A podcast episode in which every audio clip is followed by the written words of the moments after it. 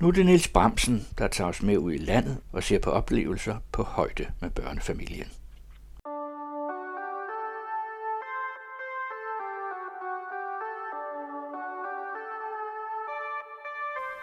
Opleveren er jo et kulturprogram, som er stolt af at være kulturelt altædende.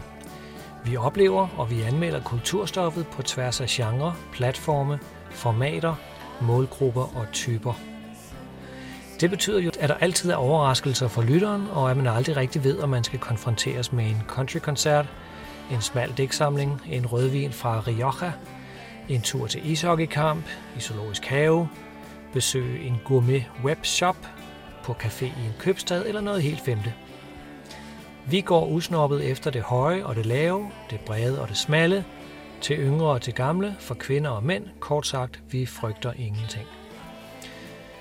I dag skal vi så ned i børnehøjde, eller op i børnehøjde, om man vil. Børnefamilierne derude i det ganske land skal jo ud og finde oplevelser, som lever op til forventningerne, og som både børnene og deres forældre forhåbentlig kan holde ud at være i. Og det kan faktisk være en rigtig vanskelig opgave, hvor forventningerne gerne skal afstemmes på forhånd, så der ikke opstår drama på lokationen. Og ja, okay, det undgår vi nok ikke alligevel, men som forældre gør vi jo, hvad vi kan for at finde de oplevelser, der både passer til pengepungen, til målgruppen, afstand og en masse andre praktiske hensyn. I dag skal vi se et fantastisk og med en meget enkelt børneteater. Det drejer sig naturligvis om klassikeren Carius og Baktus. Så skal vi på Statens Naturhistoriske Museum og lede efter dinosaurer. Og endelig skal vi tage forældrebrillerne på og se på en vigtig tendens inden for bæredygtigt forbrug af børnetøj. Vi besøger børneloppen og interviewer loppedirektøren. Kan du ikke se, at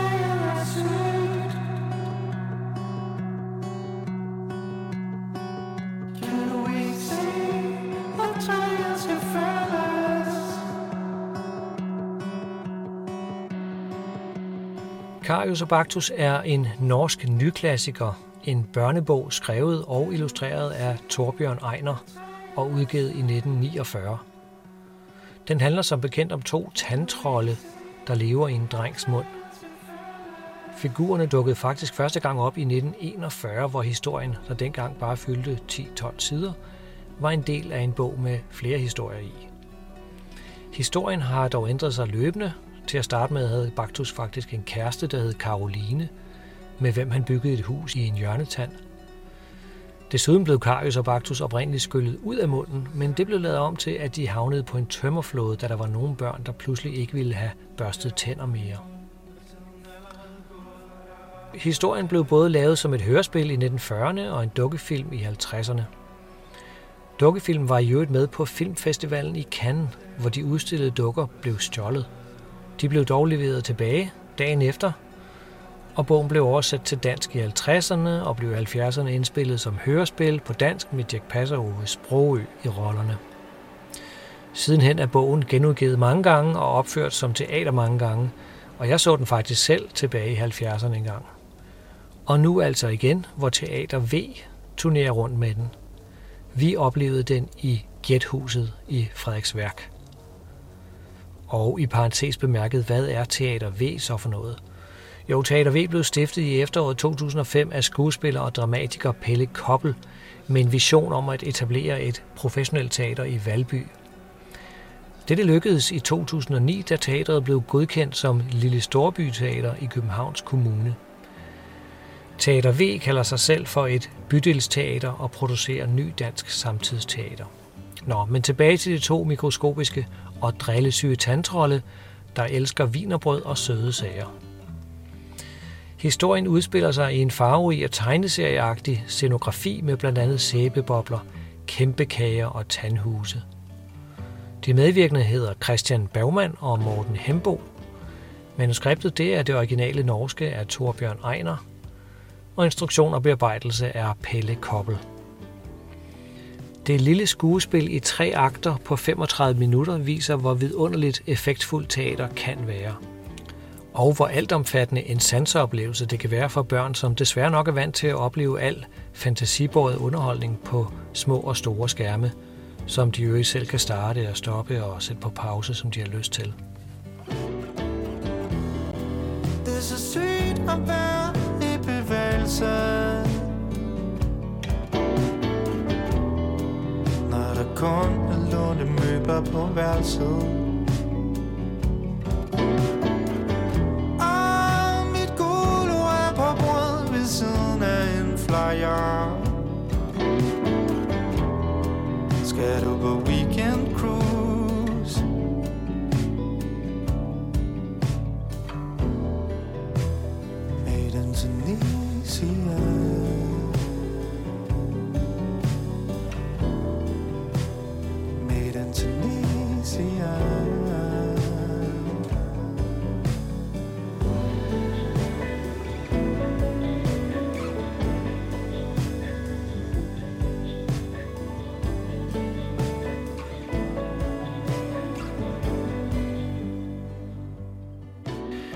De to trolde vinder hurtigt de næsten udsolgte forestillingers børn over på deres side med klovnekomik, finurligheder, drillerier og nisseagtige små ondskabsfuldheder. Men som sagt, min opfattelse var, at mange af vores tids børn er så uvente med teatrets specielle rum, at de var nærmest mundlarme og handlingslammede af overvældelse. Teatret kan jo noget med at inddrage publikum, og så i næste øjeblik med den største selvfølge, lader som om publikum aldrig nogensinde har eksisteret, og nu befinder vi os i et rum udelukkende mellem nogle skuespillere. Teateret kan også noget med vores sanser. Det er kulisser og effekter, lys og lyd, som nærmest trækker os ud af vores egne kroppe og ind i et særligt univers af fiktive figurer og handlinger, som dog udspiller sig håndgribeligt lige foran vores øjne. Og med barnets åbne sanser og uforbeholdende tilstedeværelse kan det godt få en voldsom effekt på deres sind især hvis man primært er vant til den totale kontrol over sin mobile, beskyttende enhed. Teater V har lavet et rigtig fint manuskript, som ikke er faldet for fristelsen til at opdatere teksten med uvedkommende hentydninger til måske iPhones eller YouTube eller nutidens navne på slik, hvad de så end hedder i dag. Tværtimod, der blev råbt, vi vil have vinerbrød, vi vil have vinerbrød, ligesom i den oprindelige udgave. Og frygten for tandbørsten og tandlægen, den var helt intakt. Og jeg er vild med, at man ikke har forsøgt sig med, med dumsmart indspark fra 2023. Fordi det forbinder forældre og bedsteforældre og børnene, fordi det netop er en klassiker, som man ikke nødvendigvis bør reformere. Og børnene, ja, de elsker jo Karius og Baktus, i en sådan grad, at den pædagogiske intention med hele øvelsen er på nippet til at tippe over. Således at børnene går hjem med den oplevelse, at det er forfærdeligt synd for Karius og Baktus, at de skal skylles ud af munden på den måde, og at de sulter og får deres huller fyldt ud. Børnene vil måske i en periode insistere på mere slik og vinerbrød. Men derved er stykket jo faktisk genialt. Det sætter nogle kroge ind i ukommelsen på børnene, som efter noget tid kan udarte sig til en gradvis forståelse af mundhygiejnens væsentlighedsprincip. Og lad os lige få overstået den numeriske bedømmelse. Karius og Baktus får 5 ud af 5 stjernetegn selvfølgelig.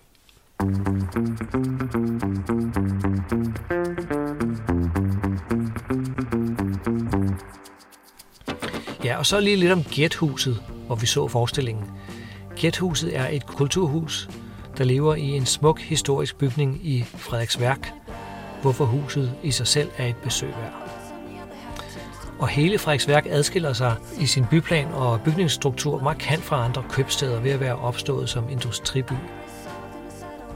De mange værksteder og fabrikker fremstillede gennem flere hundrede år krudt, kugler og kanoner til rigets forsvar.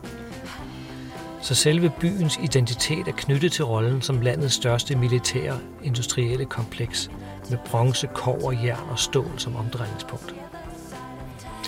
Tæt ved gæthuset ligger der også en fantastisk legeplads, hvor netop kanoner, kanonkugler og krig er temaet, og børnene elsker den legeplads, og den har rigtig fine anmeldelser på Google Maps. I 2007 blev Frederiksværk udpeget til et af Danmarks øh, 25 nationale industriminder. Byen har som fabriks- og industriby en lang historie med en række bevarede bygninger og maskiner. Gjerthuset eller Støberihuset er Frederiksværks og måske en af Danmarks mest bemærkelsesværdige industribygninger.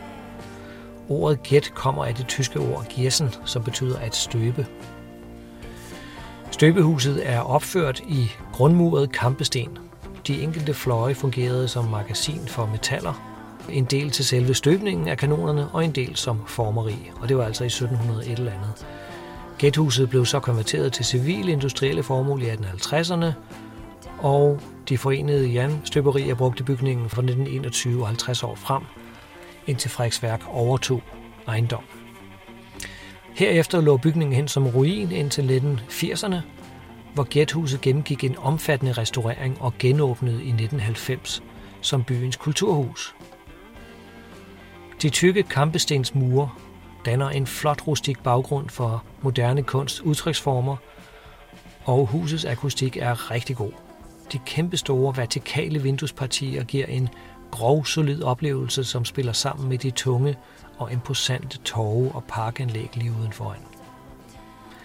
Den del af det gamle Frederiksværk er i det hele taget et magisk rum, som er omkranset af dramatiske skovklædte bakker og Roskilde Fjord. Kort sagt, jeg er vild med Frederiksværk. Nå, men før vi fortaber os helt i ikke særlig børnevenlige historielektioner, skal vi videre til endnu mere historie.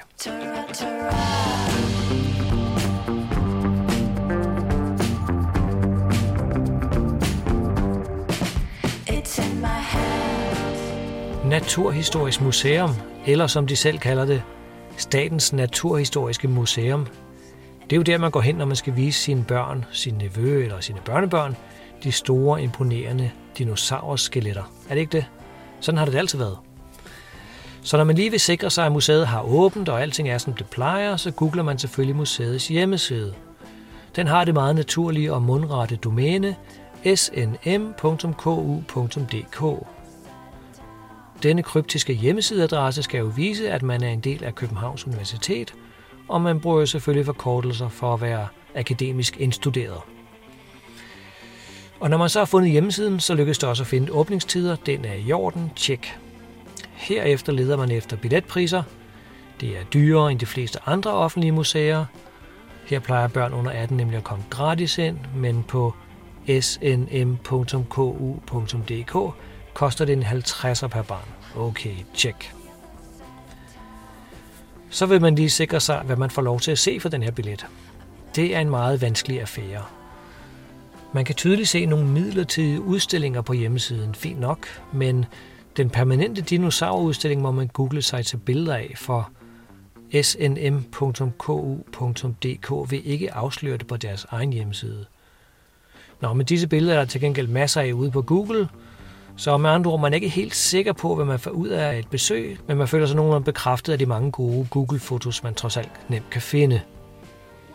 Man er simpelthen nødt til at tage ind på museet for at blive sikker. Jeg fik derfor pakket tre børn sammen, og der blev talt en masse dinosaurer i bilen på vej ind til museet.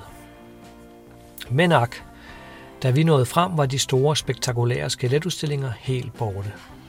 Det eneste, der var tilbage, var de rigtig, rigtig gamle træmontre med krystaller og kvartser og stenarter, og knap nok et eneste fossil.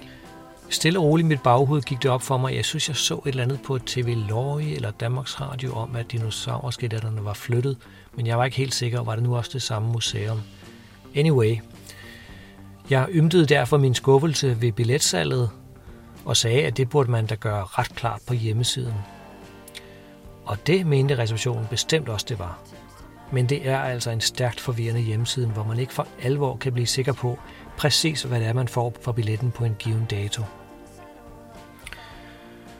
Nå, en sådan oplevelse, den er altså rigtig svær at komme tilbage på med tre forventningsfulde børn. Især når man har en dreng, der er meget dinosaur-fanatisk. Så alt i alt en rigtig trist oplevelse. To stjernetegn. Især da billetprisen jo er den samme som altid, også uden dinosaurer.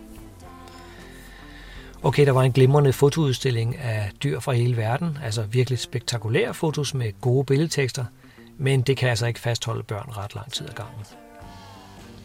Man kan også vandre gennem botanisk have og ind i de fantastiske drivhuse, hvor eksotiske planter, forskellige indeklimaer og luftfugtighedsniveauer giver en spændende oplevelse af jordens meget forskelligartede livsbetingelser og økosystemer af flora. Tak for det. Men den centrale skuffelse over de ekstinkte skeletter kommer I nok ikke tilbage fra de første par år. Og det passer jo ironisk nok fint nok med, at dinosaurer og skeletudstillingen i samarbejde med Zoologisk Museum, hvis nok vender tilbage om cirka to år. Og ja, Zoologisk Museum befinder sig som en ret skjult underside nede under snm.ku.dk.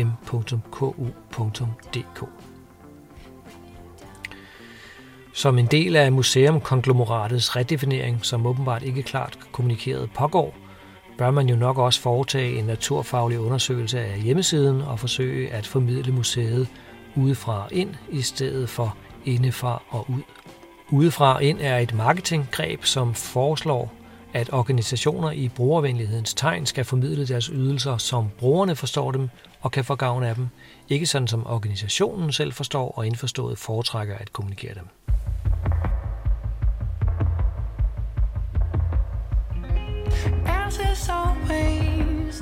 Tip of my tongue. I fell in love for just a moment. Choices were wrong. Desert growing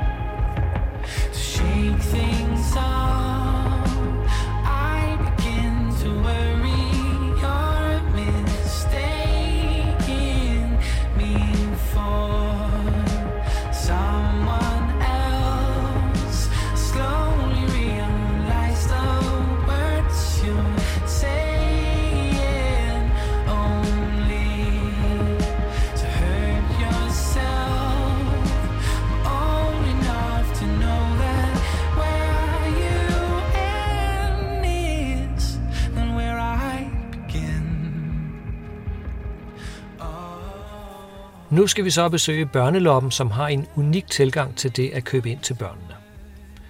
Legetøj, børnetøj, børneudstyr, det fylder alt sammen enormt meget i børnefamiliernes hjem. Og der kommer mere til hver jul og fødselsdag, samtidig med at børnene vokser fra det gamle.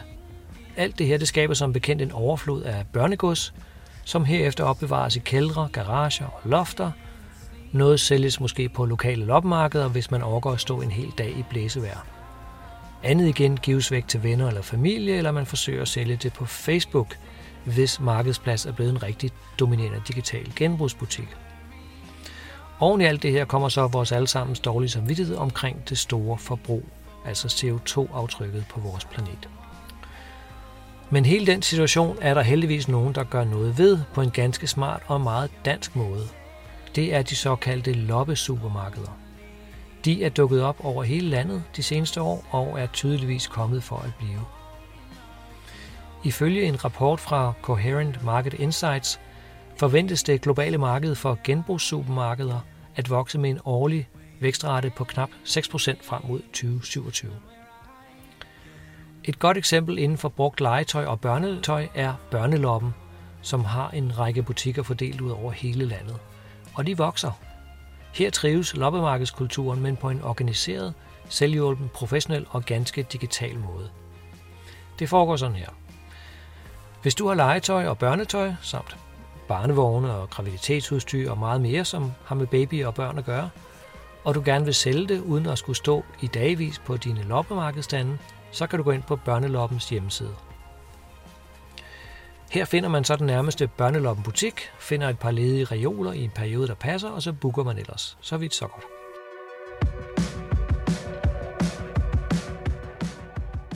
Selve genstandene, du vil sælge, kan du så sidde derhjemme og lave beskrivelser og priser på.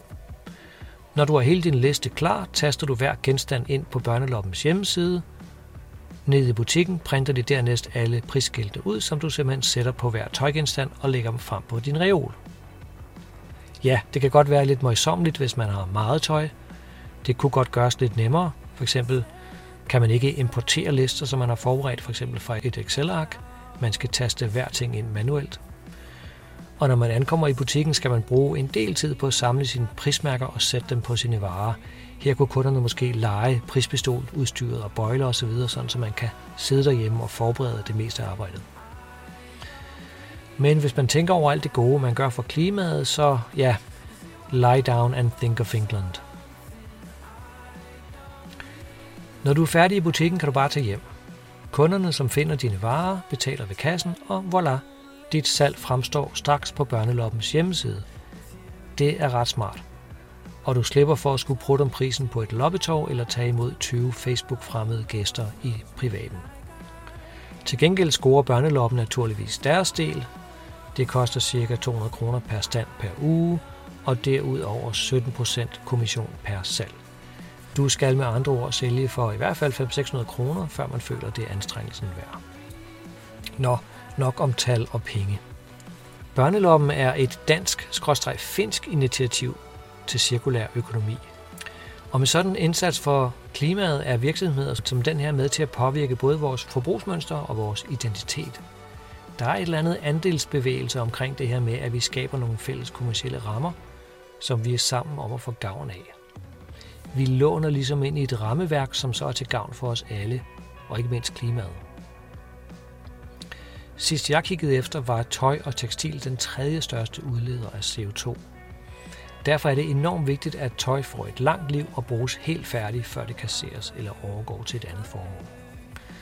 Børneloppen har faktisk fået deres miljøeffekt beregnet af konsulenthuset Planmiljø samt Deloitte. Og de når frem til i rapporten, at når du køber for 200 kroner hos Børneloppen, så sparer du planeten for over 1700 liter vand og 11,5 kilo CO2. Det er jo imponerende tal. Derfor ringede vi til Børneloppens direktør, Johanna Kiel, for at høre mere om konceptet. Hej Johanna, og tak fordi du har lyst til at deltage. Jeg synes simpelthen, det er super spændende, at I både gør noget for miljøet, samtidig med, at I dækker et øh, modebehov. Det er jo helt usædvanligt. Og jeg synes, det er rigtig spændende at tale med en ekspert i det her marked, som selv har sat sin økonomi på spil, om jeg så må sige, for at forandre tingene. Kan du starte lidt med at fortælle om, hvem du er og din rolle i forbindelse med ideen og etableringen af Børneloppen? Mit navn det er Johanna Kiel Nielsen. Jeg er en af indehaverne hos Børneloppen, og øh, det var mig og min mand og venneparet, der startede i Børneloppen i 2016. Ideen kom oprindeligt fra Finland, hvor jeg kommer fra, hvor vi har haft øh, sådan nogle, det man kalder for loppesupermarkeder, øh, altså det vil sige et indendørs marked, hvor man kan købe og sælge ting. Øh, det har vi haft i Finland siden starten af 90'erne. Og øh, det synes både jeg og, og naboerne var en rigtig god idé at tage med til Danmark øh, i en børneversion. Øh, og det, så det blev til Børneloppen i 2016, hvor vores første butik åbnede i Valby. Okay, så Finland de er meget tidligt ude her. Men, øh, men hvad er jeres baggrund for at kunne blive til et fyrtårn for øh, tøj, detailhandel? Jamen i børneloppen, det tøj vi sælger, det er noget, der er genbrugt. Øh, så det vil sige, at øh, det forlænger øh, levetiden af produktet. Og øh, det er jo det, vi skal gøre op med i forhold til tøjindustrien, at øh, tøjet får længere levetid. Altså altså den traditionelle tøjindustri, jamen der producerer man nyt, og så sælger man nyt, og så køber man nyt igen. Øh, og øh, hvis det virkelig skal batte miljømæssigt, jamen så skal tøjet bruges længere, og det vil vi gerne bidrage til. Det giver så god mening. Prøv at sætte et ord på, hvordan jeres butikskoncept forsøger at skabe en anderledes værdikæde i forhold til produktion, import og, og salg af tøj. Det hele handler om, at tøjet og legetøj skal have længere levetid. Øhm, og der er jo rigtig meget, som børnene bruger, øh, bliver brugt så kort tid. Altså specielt de små størrelser, de vokser hurtigt ud af det. Og, og derfor fejler det intet. Tværtimod faktisk et genbrugstøj mere allergivenligt, fordi noget af kemien er blevet skyllet væk. Øhm, og derfor er vores mission, at det er, at det skal sælges igen og igen og igen. Og det er altså godt for både pengepungen, men også for øh, miljøet. Vil du så sige, at jeres kæde faktisk er et øh, frontalangreb på tøjmode og almindeligt øh, forbrugsmønster? Et angreb, det, det ved jeg ikke, om jeg vil kalde det, men det er, det er, det er en udfordring. Øh, vi, vi udfordrer de traditionelle øh, tøjbutikker. Altså, vi kommer ikke udenom, at der, der bliver produceret nyt, fordi tøj, det holder jo ikke for evigt. Øh, det kan godt være god kvalitet, der kan holde til 4-5 børn, men der skal selvfølgelig også produceres øh, nyt, men, men, men der skal være en bedre balance. Øh, der skal produceres nyt, og det, det, der blev produceret, det skal være noget ordentlig kvalitet, og det skal holde længere tid og bruges af flere. Okay. Øh, prøv at fortælle, hvordan øh, tøj- og modeindustrien traditionelt fungerer, sådan som du ser det. Ja, vi kan se, at der er flere tøjbutikker, de har masser af øh, grønne initiativer i gang, og der kommer flere økologiske materialer, og der kommer mere genanvendt materiale, og, og det er jo godt. Det, det hele tæller jo med, øh, men, men hvis, hvis, hvis det skal virkelig batte, og hvis vi skal virkelig ændre nogle forbrugsvaner hos øh, os selv og de kommende generationer, jamen så skal vi vende os til, at tøjet skal bruges længere tid, og det skal bruges flere gange. Og det sætter butikker som, som jeres jo i system. Hvordan skulle de fleste øh, forbrugeres tøjforbrug se ud, hvis det var efter jeres hoved? Hvis det stod op til os, så blev det selvfølgelig solgt mere genbrug, og det, det er selvfølgelig ikke kun, fordi så ville det være bedre for vores forretning, og det ville det selvfølgelig også, men, men det ville jo være også godt for miljøet. Øhm, og, og, og kvalitet, det holder øh, længere tid. Der er stor forskel på det, der er ligesom øh, produceret ordentligt af nogle gode materialer. Jamen det kan bruges af flere børn øh, i forhold til det, der er virkelig billigt produceret, som øh, hurtigt øh, bliver forvasket, så hvor syningerne går hurtigt af. Den, det holder altså ikke til, til så mange børn. Øhm, hvordan tror du, at verden forandrer sig, når tøjforbrug skal være mere miljøvenligt? Jeg tror faktisk, at verden er allerede i gang med at forandre sig rigtig meget. Øh, vi ser en stor forskel mellem dem, der er førstegangsfødende nu, i forhold til dem, der får måske anden, tredje eller fjerde barn lige nu. Øh, da vi åbnede for seks år siden i Valby, jamen øh, så var genbrug noget, man typisk købte for at øh, supplere det, man købte for nyt af. Det vil sige, at man købte det meste for nyt af, men så kom man lige i nogle genbrugsbutikker for at ligesom supplere og gøre lidt nogle impulskøb. Øh, det vi ser mere og mere af nu, og det er specielt førstegangs øh, fødende og førstegangs øh, mødre, øh, det er, at de køber det meste brugt. Altså alt det, der er muligt at købe brugt, det køber de i børneloppen og blå avis og Facebook-grupper osv. Og det de så muligvis ikke kan finde brugt, det supplerer de med at købe nyt af. Øhm, og det kan vi jo godt lide, og det, det batter, og, og det, går, det, det går i den rigtige retning, og det, det går stærkt. Ja, det er en spændende udvikling. Øhm, tænker du, at øh, europæiske forbrugere kan leve med den her omstilling? Når det gælder genbrug, så tænker jeg ikke, at øh, danskerne og resten af Europa er så anderledes. Øhm, I hvert fald kan jeg tale ud fra børnesegmentet. Altså børnene vokser alle steder. Det gør de både i Danmark og også i Sydeuropa. Så behovet findes der. Øhm, det kan godt være, at vi er lidt mere langt frem i skoene i Danmark. Vi er vant til at... Altså, det er blevet trendy at købe genbrug. Øhm, altså, ligesom man viser, at man har et pænt hjem og, og, og, og drikker kaffe og noget lækre kopper på Instagram, jamen, så er det også blevet trendy at vise, at man er bæredygtig. Det er noget, man gerne vil prale med.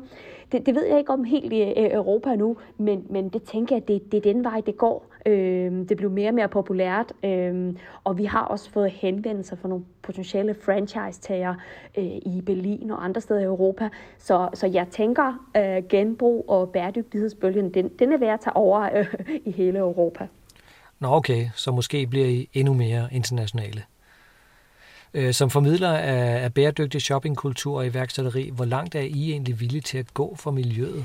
Jeg synes, vi gør meget for miljøet, øh, men man kan jo altid gøre mere. Øh, det, det er et godt spørgsmål. Hvad, hvad kan vi gøre mere af? Øh, jeg synes, vi skal hele tiden optimere vores indsatser der, hvor der batter mest.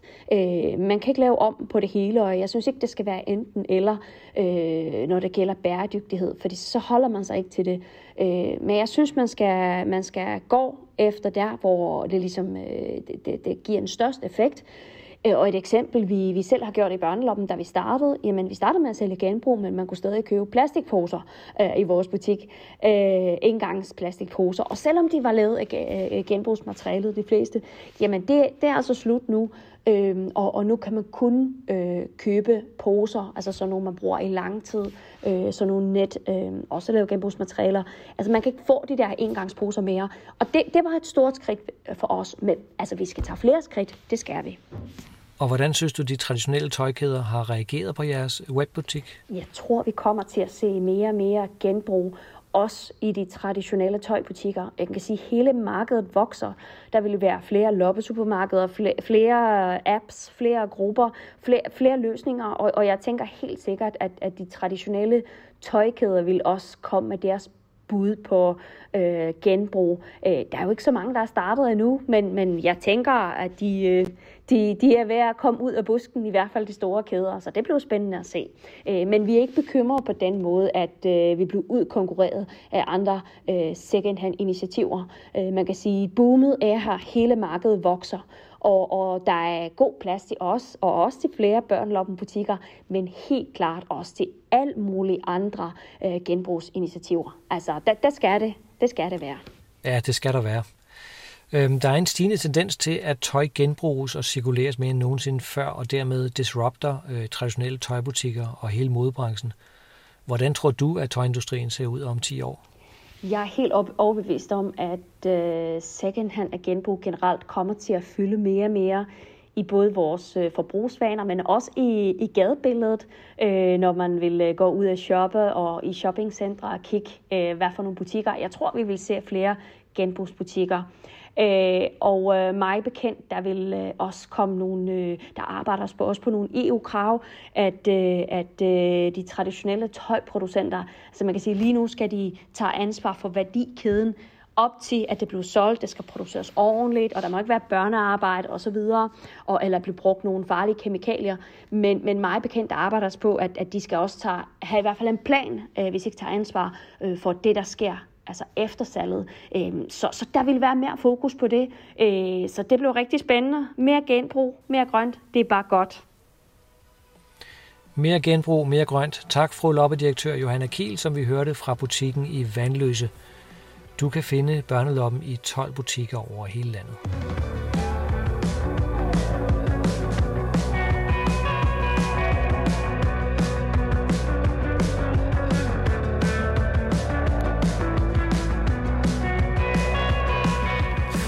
Okay, det var alt for i dag. Vi har været rundt i børnefamiliens forskellige muligheder og nødvendigheder, og det bliver nok ikke sidste gang, at vi går i det spor. Jeg har selv tre mindre børn her på matriklen, så derfor bliver opleverens kultursperspektiv indimellem fixeret i børnefamiliens tegn. På gensyn næste gang, vi har en masse spændende kulturoplevelser på lager, som vi skal have set på. Vi skal se på fodboldkultur, besøge nogle Superliga-stadions. Der er en masse bøger, vi skal anmelde. Vi skal i den blå planet. Vi skal på Vikingskibsmuseet. Vi skal høre nysproget dansk pop. Vi skal have bedømt noget rødvin og nogle vinbøger og der er endnu mere lagt i kakkeloven til spændende og overraskende tilbud på kulturopleveren. Husk, at opleveren tager kulturrejsen gennem alle de bulrende oplevelsesfærer. På den anden radio tager vi public service forpligtelsen på os og anmelder på tværs af genre og formater.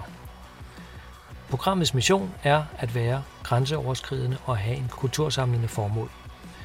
Alle, som er nysgerrige på kultur og oplevelser, hilses velkommen.